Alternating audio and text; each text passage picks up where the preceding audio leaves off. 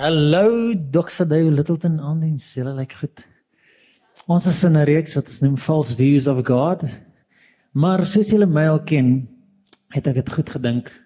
Uh soos ek gewoonlik doen, begin ek eers met 'n paar memes. Ek begin altyd met 'n paar memes. Het julle al daai memes gesien met die caption I was today years old? sien dit? Ek het nog nooit in my lewe besef hoe min ek van die wêreld weet tot ek daai memes begin sien het nie. So ek uh, ek het 'n treat vir julle.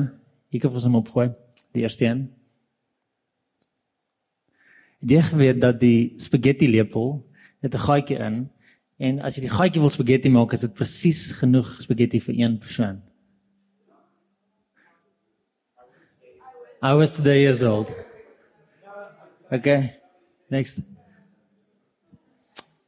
I was 30 years old when I realized as jy die liggie op jou iPhone touch aansit, kyk in die middel van die liggie, die switch flick.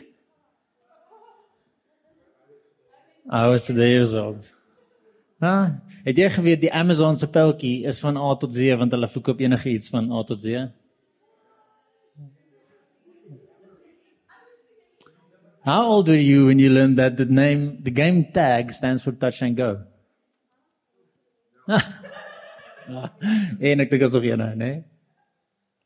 Laaste een. Het jy geweet hier is vir die manne. Die agterkant van 'n spanner pas perfek in 'n uh, ag nie die hoor my nou die agterkant van 'n spanner. Die agterkant van 'n skroewedraaier pas perfek in die gaatjie van 'n uh, spanner. Wow, I was today years old. Hierdie meme sal maak dat ek soos regtig besef dat ek min weet van die wêreld. En dit laat jy besef dat jy weet nie alles nie. En iemand het eendag gesê die enigste ding wat ons werklik kan weet is dat ons nie alles weet nie. En vanaand gaan ons 'n bietjie kuier rondom 'n paar goeters wat ons dalk uh 'n paar persepsies wat ons dalk rondom God gevorm het. Soos ons maar persepsies kan vorm rondom enigiets. Um maar ek dink as daar 'n paar goeters wat jy nie wil persepsies oor vorm, vorm nie, sal God nommer 1 op daai lys wees. Um ek dink wanneer jy so daaraan dink, As jy persepsies van God vorm, aanbid jy eintlik 'n God wat jy self gemaak het. Wat sal jy verkies om 'n werklike ware God te aanbid, which is true in reality, of om 'n God te aanbid wat jy in jou eie gedagtes vorm? Dis nie 'n kans wat jy wil vat nie. Ehm um, en false views van God gaan nie net jou view van God beïnvloed nie, maar dit gaan ook jou view van die wêreld rondom jou beïnvloed. Uh dis 'n false view van God is soos brille. Want hoe jy God sien bepaal werklik hoe jy die wêreld sien. Dit bepaal hoe jy jou verhouding sien. Dit bepaal hoe jy soos my nou nog chat, hoe jy met jou finansies werk. Bepaal hoe jy met mense interak. Dit bepaal jou hoe jy jou werk doen. Uh dit bepaal alles in jou lewe hoe jy God sien. So kan jy sien dat dit 'n belangrike en crucial gesprek is om te weet dat jy is daar goed rondom God wat ek dalk nog nie heeltemal begryp het nie en wat ek dalk moet aanspreek. Miskien het jy groot geword in die kerk en uh kinderkerk is great. It's amazing. Die Here bless mense wat in kinderkerk werk. Ek's nie een van hulle nie. Heinrich special plek in die hemel. Um die kinderkerk is great, maar miskien het die mense by kinderkerk soms vir jou goed geleer om jou te probeer uh konsepte laat verstaan en jy het 'n manier gedink rondom God dat hy soos dalk ver is of hy dalk hierdie groot ou met die baard is of wat ook al uh of het, en soos jy groter geword het, het jy meer volwasse geword en jy het 'n paar goed in lewe encounter, dalk 'n paar moeilike dinge aangepak. Um en wat al gebeur is jou idee van God wat jy gehad het, jou somebody told me so god uh het 'n ontmoeting gehad met die harde realiteit van lewe. En jou idee wat jy van God gehad het kon dalk nie staan onder die gewig um van die harde realiteit realiteit realiteit wel van lewe. En nou is dis dalk moontlik dat jy sit vanaand met die stukke wat nou geshatter is van daai goed en jy probeer nog daai goed bymekaar trek van jou persepsie van God. Hoe jy gedink het hy is, maar en hoe prakties so goed in die lewe uitgespeel het of wat jy beleef het of hoe jy dalk seer gekry het het regtig nie ooreengestem met wat jy gedink het God is nie. En jy het besef gedink hoe kan hoe kan hoe kan dit gebeur as daar 'n liefdevolle God is? Of hoekom het hy dit toegelaat? En jou persepsie van God, jou view van wie hy is, het dalk gekrumble rondom 'n paar goeders. Dis een moontlikheid wat kon gebeur het. Is mense in jou lewe toe jy klein was het vir jou God beskryf in sekere maniere wat nie verkeerd is nie, maar hulle met goeie intensies het hulle probeer vir jou verduidelik. En ek meen, hoe kan jy tog 'n kind regtig verduidelik, maar sulke komplekse konsepte. Die ander manier wat dalk gebeur het is um hoe jy 'n false view van God gekry het is jy relate na God toe dieselfde manier wat jy relate na authority figures in jou lewe. So dalk as jy 'n rebel op skool. Um en jy het net soos geen respek gehad vir mense op authority figure authority figures en jy het regtig net rebellious gewees.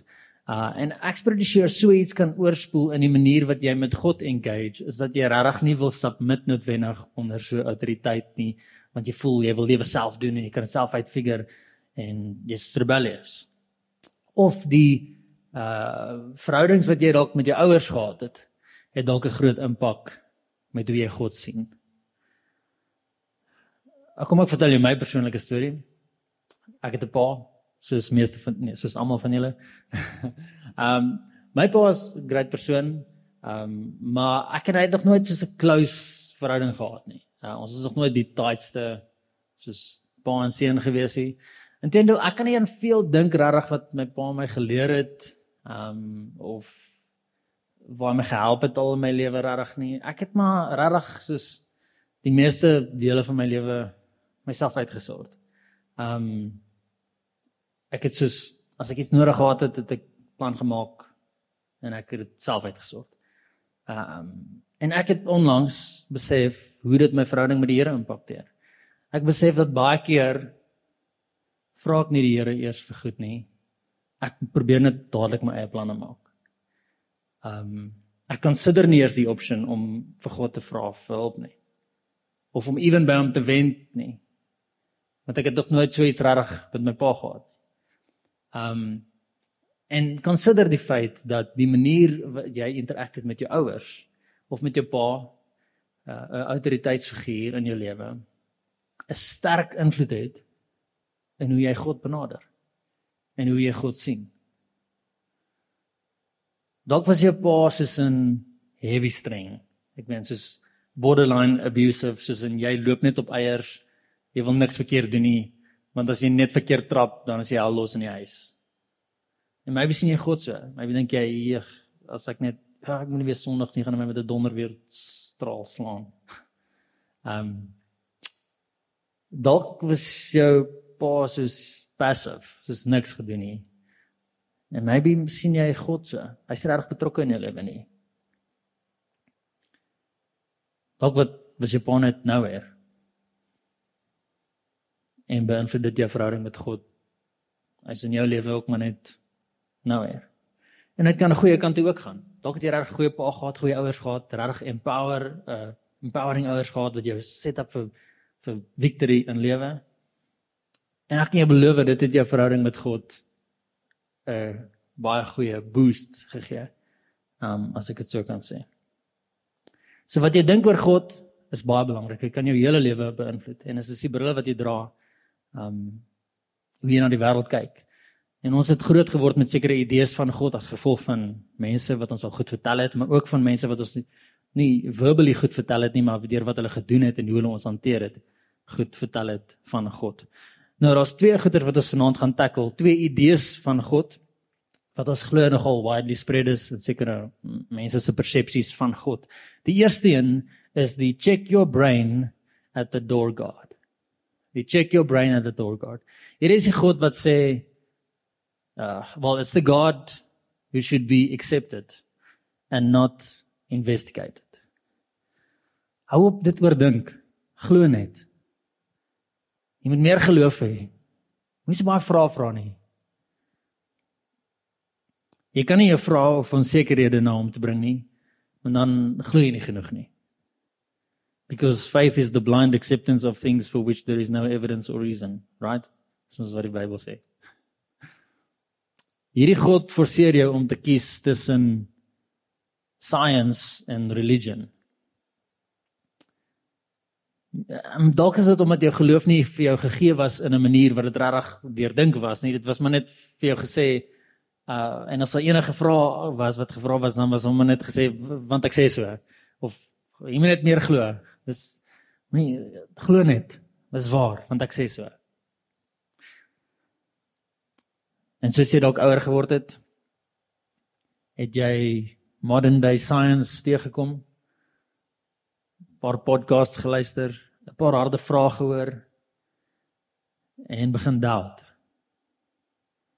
En gedink, hoe kan ons regtig dink God bestaan as ons soos modern day science het wat duidelik sê dat God bestaan nie?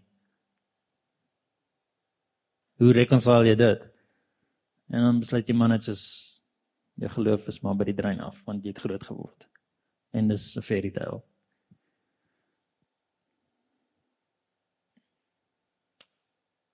Richard Dawkins, 'n baie bekende uh lead thinker in atheïsme, het gesê one of the truly bad effects of religion is that it teaches us that it is a virtue to be satisfied with not understanding.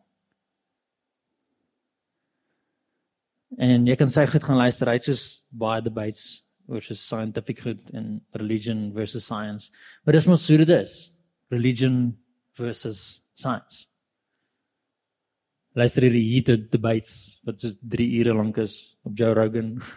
You know, I joke, I didn't seker goed nie, maar ja. Dis is daar's baie content ek dink wat jy daar buite kan kry wat gaan oor science wat God disprove. Maar ek's net vanaand ook om vir jou hier te sê dat net so side note religion en science is nie inteens is nie teenstrydig teenoor mekaar nie. Um inteendeel inteendeel dis aanvullend. Um wetenskap is nie daar om God te disprove nie. Inteendeel dis daar om meer van hom af uit te vind. Soos Joseph Taylor gesê het, there is no conflict between science and religion. Our knowledge of God is made larger with every discovery we make about the world. Ek's pretty sure God enjoy, hy geniet wanneer mense goed ontdek rondom hoe hy die wêreld gemaak het. Ja, is daar seker goeie wat moeilik is om van sens te maak? Ja, sure. Uh maar ek dink God soos enjoy science en ons baie intendeel hordes en hordes uh Christelike wetenskaplikes oor die eeue al gewees wat incredible ontdekkings gemaak het en hulle geloof nog steeds soos uitgeleef het en nog steeds geglo het nie ten spyte van wat hulle glo nie maar hulle reconcile dit met hoe God die wêreld gemaak het. En God is iemand wat vra verwelkom um hy sê nie check your brain at the door wanneer jy by die kerk instap of check your brain at the door wanneer jy moet begin bid nie of check your brain at the door wanneer jy met ander mense praat oor jou geloof nie. Inteendeel in die vier evangelies, die vier gospels, Matteus, Markus, Johannes, Levitikus, nee, joke. In die vier um gospels is daar 183 keer 183 keer wat iemand vir Jesus interrupt met 'n vraag. En kere wat hy met mense interact, is al iemand wat my Jesus of Rabbi wat van dit? Of hoekom sê jy dit? Of hoe moet ons dit doen? 183 keer in die vier evangelies wat Jesus interrupt word met 'n vraag. Nie een keer wys hy hulle weg of sê vir hulle ek kan vir hulle vra dis dom. Nie een keer nie, maar inteendeel sien ons hoe hy engage met hulle. Hy verwelkom uh verwelkom hulle vra. Net soos die storie van Thomas. Uh hulle noem hom doubting Thomas. As jy nou ooit 'n label wou gehad het, dis nie 'n goeie een nie. Doubting Thomas. En ons rede vir dit, um in Johannes 20 lees ons die volgende storie. Hy sê now Thomas, one of the 12 was not with the disciples when Jesus came. So the the other disciples told him, "We have seen the Lord." Hier is nou na Jesus opgestaan het uit die dood uit en Jesus het aan klomp van sy disippels verskyn. Uh maar Thomas was nie daar nie. Okay. En toe nou na die tyd hy die party gemis en hulle sê vir hom, "Thomas, ons het vir Jesus gesien. Hy het opgestaan." En hy sê, "Nou, fam." Hy sê, "Nou, hy sê, hoor hierso unless I see the nail marks in his hands and put my fingers where the nails were and put my hands into his side, I will not believe. Daai woorde, I will not believe, dink ek kan in die kerk hoe jou ongelowige. Hoe kan jy dit sê? En tog is Thomas soos 'n unless tensy hy nie self sy vingers in daai gate druk waar die spykers in Jesus se hande was nie, sal ek nie glo nie.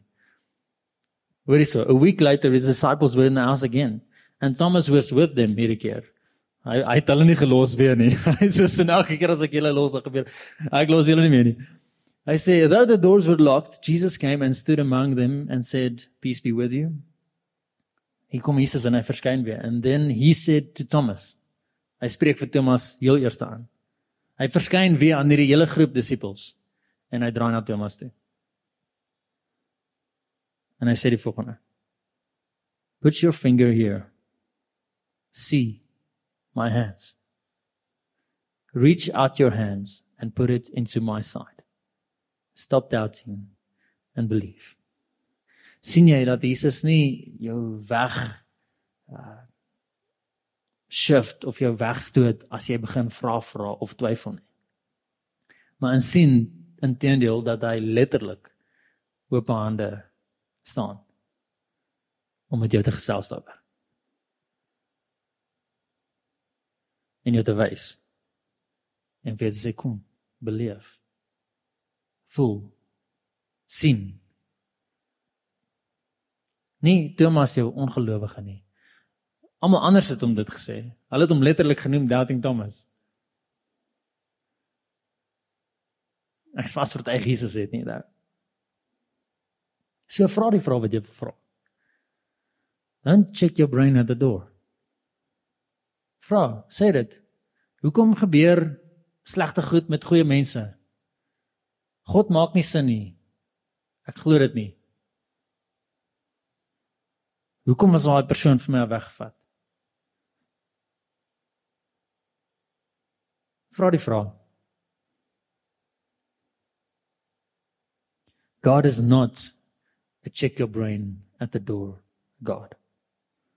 Inteendeel hy is 'n come and see God. The God who invites us into conversations and encounters. Die eerste een is 'n check your brain at the door God. Die tweede God wat ons gaan bespreek vanaand is 'n all the feels God. The God whose presence is always just felt. So. Jy ken hierdie storie. Um wanneer jy in die kerk instap, iemand sê welkom, die band begin met 'n lekker liedjie. Hier so by die tweede sang, derde sang, dan bid iemand en dan so die, net na die derde sang dan speel die piano so rustig en ons so pad wat so speel en dan sit die sound guy die reverb op. En dan klink dit so mooi. Joh, dan dan voel jy die Heilige Gees. Hæ? Uh, nee. Of wanneer iemand wat kom preek, regtig goed kan praat, wanneer hulle soos baie goed is met woorde, dan hang jy aan sy lippe en jy jog, dan werk die Here.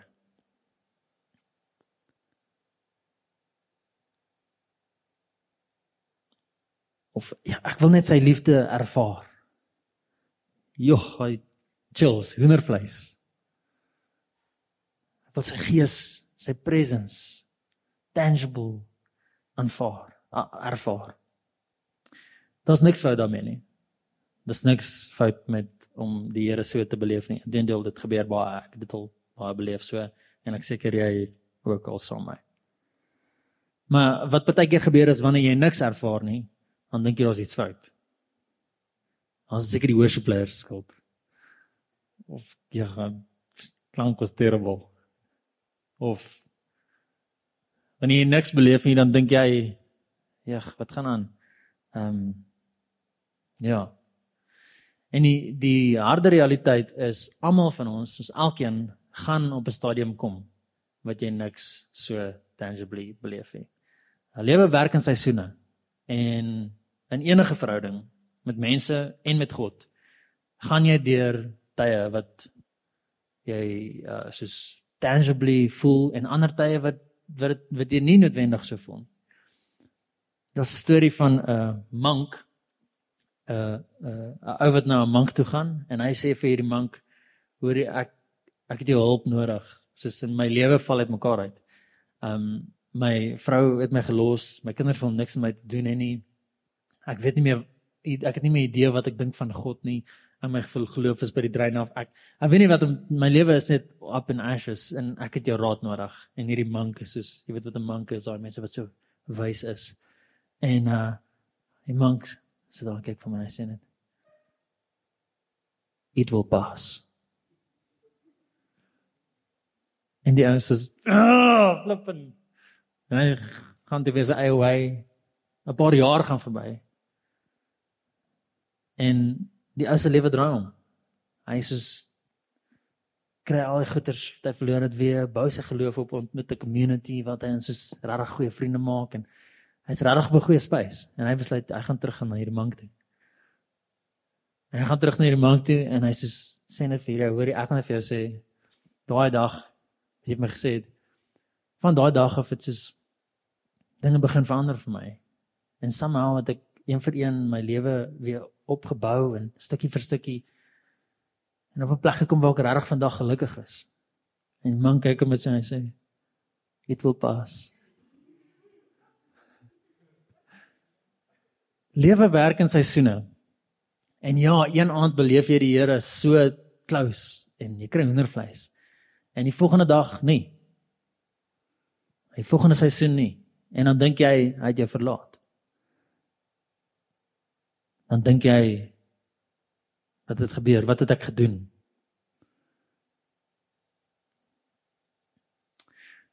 Ek weet nie of jy al so daaraan gedink het nie, maar eintlik is ons die minste bewus van die dinge wat die mees konstant is in ons lewens.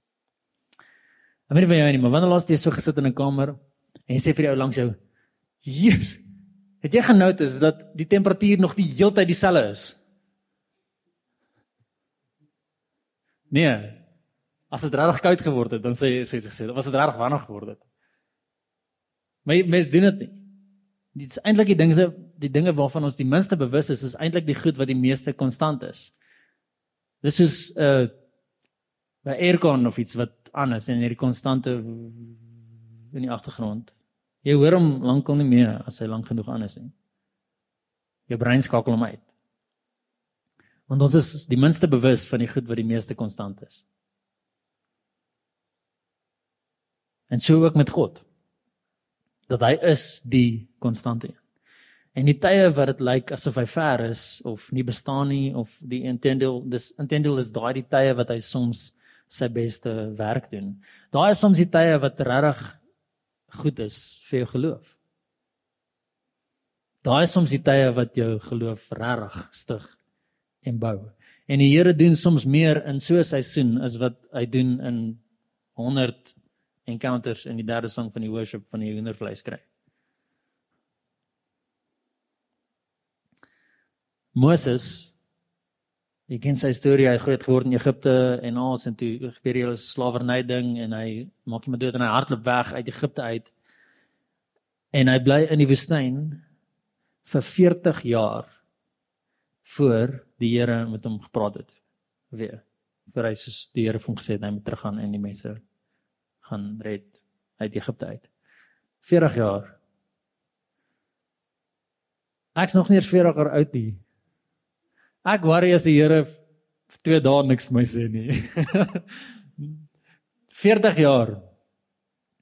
Wanneer God niks nuuts vir jou sê nie, gaan op wat hy laaste vir jou gesê het. Ehm um, en ek ek sê nou jy moenie honger hê vir die Here nie, maar ek dink ons raak so instant en uh amper consumer mentaliteit waar ons wil elke dag 'n nuwe woord van die Here af hê wat amazing gaan wees en my brein gaan stretch en dan môre weer iets heeltemal anders wat net weer amazing gewees en my brein gaan stretch en ja, kan hy dit doen? Ja, is dit goed vir jou geloof? Ja, op tye. Maar moenie dit verwag in elke seisoen van jou lewe nie. Bou op die goed wat hy vir jou gesê het. Stick with it. Moenie as hy vir 'n week lank niks nuwe revelation vir jou gee, begin twyfel of hy bestaan of of hy weer met jou wil praat nie.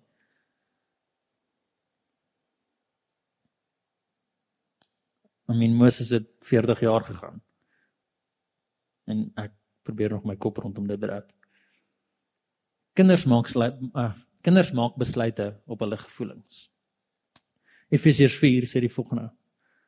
Hy sê we will no longer be like children tossed around here and there upon ocean waves picked up by every gust of religious teaching spoken by liars or swindlers or deceivers but instead by truth and spoken in love we are to grow in every way into him the anointed one.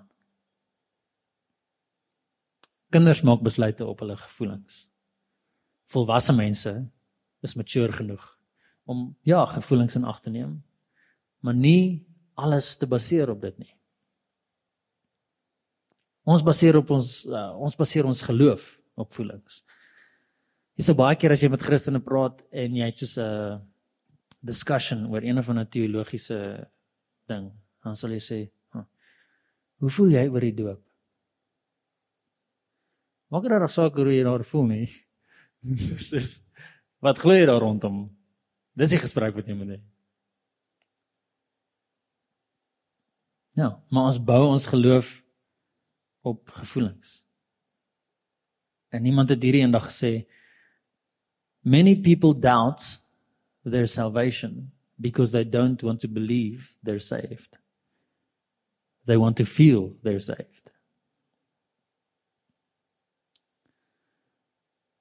Ek ek ek beleef nie die Here in my lewe nie. Ek voel nie ek is 'n kind van God nie. Ek ek sondig heeltyd. Ek Many people doubt their salvation because they don't want to believe they're saved. They want to feel they're saved. En ons het nou al gesien, ek het nou al gesien in my jare van bediening is dat geloof is uh dit begin by glo. Wanneer jy regtig iets glo, dan verander jou aksies en jou wese rondom dit. Ons is nie in behavior modification dat jy moet nou so en so en so en so doen nie en dan gaan jy hierdie goeters dan gaan jy die Here beleef nie, dit is andersom. Dit begin by regtig glo. As jy regtig weet wie jy is en glo wat God vir jou gedoen het en wie hy jou vandag gemaak het om te wees, dan begin jou behavior anders lyk en jy begin anders optree. En jy begin jou lewe daar volgens te rus. So dis nie verkeerd om emosies te ervaar nie. Ehm um, glad nie. Maar wanneer jy verwag dat God altyd so met jou gaan engage, gaan jy jouself set up vir disappointment. Verseker. Jy gaan jouself set up vir disappointment. God is nie 'n check your brain at the door God nie. Maar is ook nie 'n all the feels God. En ek het ook al kerke gesien wat baie all the feels is, baie charismaties is en so aan. Uh tot so 'n sin dat ons almal doen dit maar net omdat die ouens langs ons dit doen. Of ons spring in die worship and it's amazing want almal spring in die worship. Hoekom doen ons dit? Nee, ek weet nie, maar it's great. Um uh pas op om soos ek moes eintlik al Romeine 12 skrif ook gesit het wat sê don't become so well adjusted that you just fit into your culture without even thinking. Moenie net op jou gevoelings gaan of go with the flow of jy mag dink oor jou geloof. Don't check your brain at the door. Dis die een kant van hierdie ekstreem en die ander kant van hierdie ekstreem is like moenie net dat jou emosies jou geloof dikteit nie. Um dan jy moet 'n balans vind in die middel tussen hierdie twee. En ek dink die assumption onder al twee hierdie persepsies van God, die check your brain at the door God en die all the feels God is dat geestelike waarhede uh nie verstaan kan word nie. Dit moet maar net geglo word. En dis nie waar nie. Ja, is daar dele van God wat ons dalk nie nog nie gaan verstaan nie? Ja, sure. Gaan ons als uitfigure in 'n dag of in 'n week of in een leeftyd? Maybe nie eers nie. Is God incredibly groot en kompleks en moeilik om te fathom? Ja. Maar hy verwag nie net van jou om net te glo blindeliks nie of sonder om uh, die vrae wat jy in jou hart het aan hom regtig te vra nie. En ek dink ek gaan hom oprap met hierdie skrif in Matteus 22 vers 37. Wat sê die volgende? Jy moet die Here jou God lief hê en hier is Jesus wat dit sê. Hy sê jy moet die Here jou God lief hê met jou hele hart met jou hele siel en met jou hele verstand. Met jou hart, met jou siel en jou verstand. Sê vir my dat daar's 'n paar dimensies aan jou verhouding met God. Jy kan hom lief hê met jou hart, met jou hele hart en hoe jy hom beleef en wat hy vir jou beteken in die gevoelens wat jy vir hom het. In jou siel, maar ook in jou verstand en hoe jy dink rondom hom.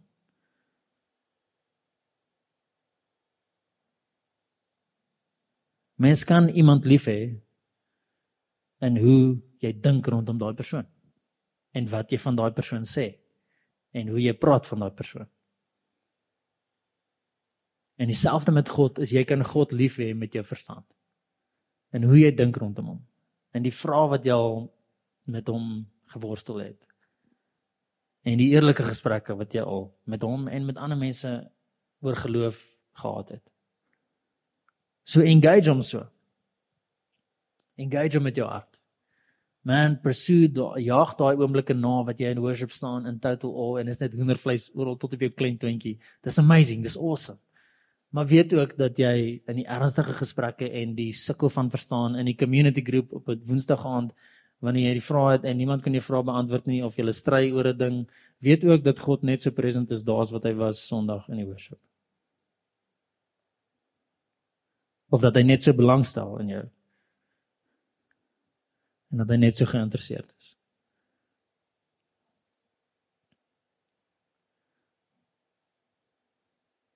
He's not a check your brain at the door God. And he's not an all the fields God.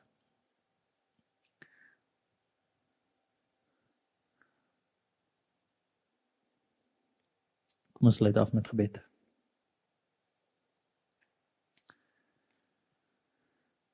Here, dankie vir die openbaring van wie U is.